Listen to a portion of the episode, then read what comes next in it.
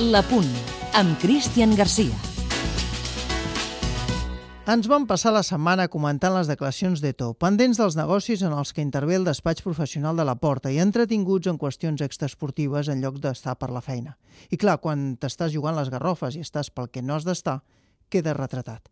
Ja sé que avui encara n'hi ha que deuen estar maleint l'arbitratge de dissabte, que altres encara deuen estar lamentant l'error de Valdés i que més d'un es deu estar preguntant els motius que van conduir a Guardiola a canviar en Lletó, quan més dificultats tenia precisament l'equip en el joc ofensiu.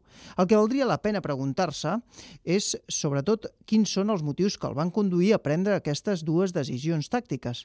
No seré jo qui es posi a analitzar la pissarra tàctica de cap tècnic, i encara menys de Guardiola, però el que tinc claríssim és que si ho va fer és per alguna cosa i que no va ser precisament perquè To i Henry haguessin estat prou encertats.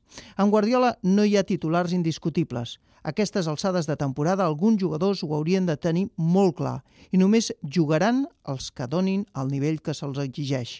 Per tant, deixem-nos de pensar en renovacions, de pensar en el que podem aconseguir fins que no ho aconseguim i de pensar en el que fan els altres. El Barça ha d'anar a la seva i l'única manera de fer-ho és que els jugadors facin el mateix que han fet fins ara, estar per la feina, que per damunt de tot és el que fan millor.